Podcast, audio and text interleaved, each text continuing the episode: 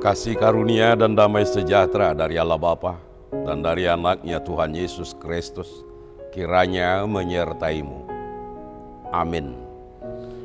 Sahabat rohani, firman Tuhan renungan bagi kita pada hari ini tertulis di dalam kitab ulangan pasal 28 ayat 1. Demikian firman Tuhan. Jika engkau baik-baik mendengarkan suara Tuhan Allahmu dan melakukan dengan setia segala perintahnya yang kusampaikan kepadamu hari ini, maka Tuhan Allahmu akan mengangkat engkau di atas segala bangsa di bumi. Demikian firman Tuhan. Sahabat rohani, kita pasti bangga dan bersuka cita jika kita menjadi suatu bangsa di atas segala bangsa, atau kita menjadi orang yang hebat dengan dibanding orang lain, tetapi tidak mudah untuk menjadikan kita menjadi bangsa di atas segala bangsa, dan juga menjadi orang yang terhebat dari orang lain. Melalui firman ini dikatakan hanya melalui dengan tekunnya mendengarkan suara Tuhan Allah. Itu syarat untuk dijadikan menjadi bangsa di atas segala bangsa. Ini adalah merupakan janji Tuhan kepada seluruh umatnya, kepada seluruh yang mau percaya kepada dia.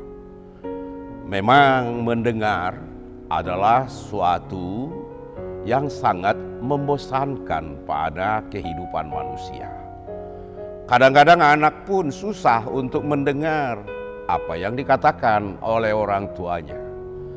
Dan ada anak yang menyepelekan semua suara orang tuanya yang diperdengarkan kepada mereka. Nah, oleh karena itulah, bila kita tidak mau mendengar suara orang tua kita, maka kita akan menjadi anak yang tidak manut lagi terhadap orang tua. Kita akan membangkang, dan kita akan menjadi anak yang nantinya sia-sia kehidupan kita tidak berguna. Karena nasihat orang tua adalah merupakan supaya kita bisa menjadi anak yang dibanggakan. Demikian juga harapan Tuhan.